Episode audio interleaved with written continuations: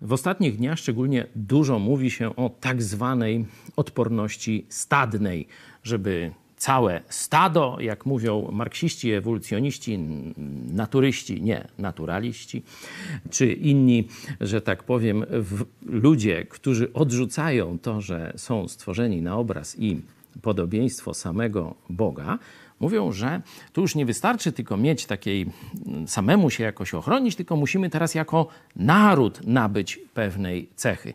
Ja oczywiście mm, odrzucam to mówienie odporność stadna i mówię odporność narodowa. To bardziej myślę, że pasuje. Każdy z Was się poczuje lepiej nie jako małpa w stadzie, ale jako przedstawiciel Polaków, narodu wspaniałego i wielkiego kiedyś, teraz różnie z tym bywa.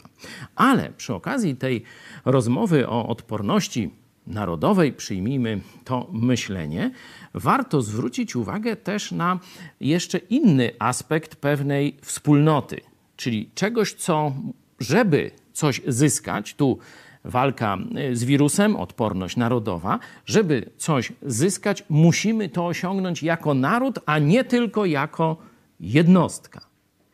I tym czymś jest Boże błogosławieństwo. Jeśli zwrócisz się osobiście do Jezusa Chrystusa, już jesteś zbawiony, masz życie wieczne. To wielkie szczęście, wielkie błogosławieństwo. Ale jeśli będziesz żył w niesprawiedliwym kraju, będziesz doświadczał ciągle batów z tego powodu. Dlatego w dziejach apostolskich w 17 wersecie, kiedy mowa jest o błogosławieństwie Boga nie dla jednostek, tylko dla narodów, mamy tam takie słowa.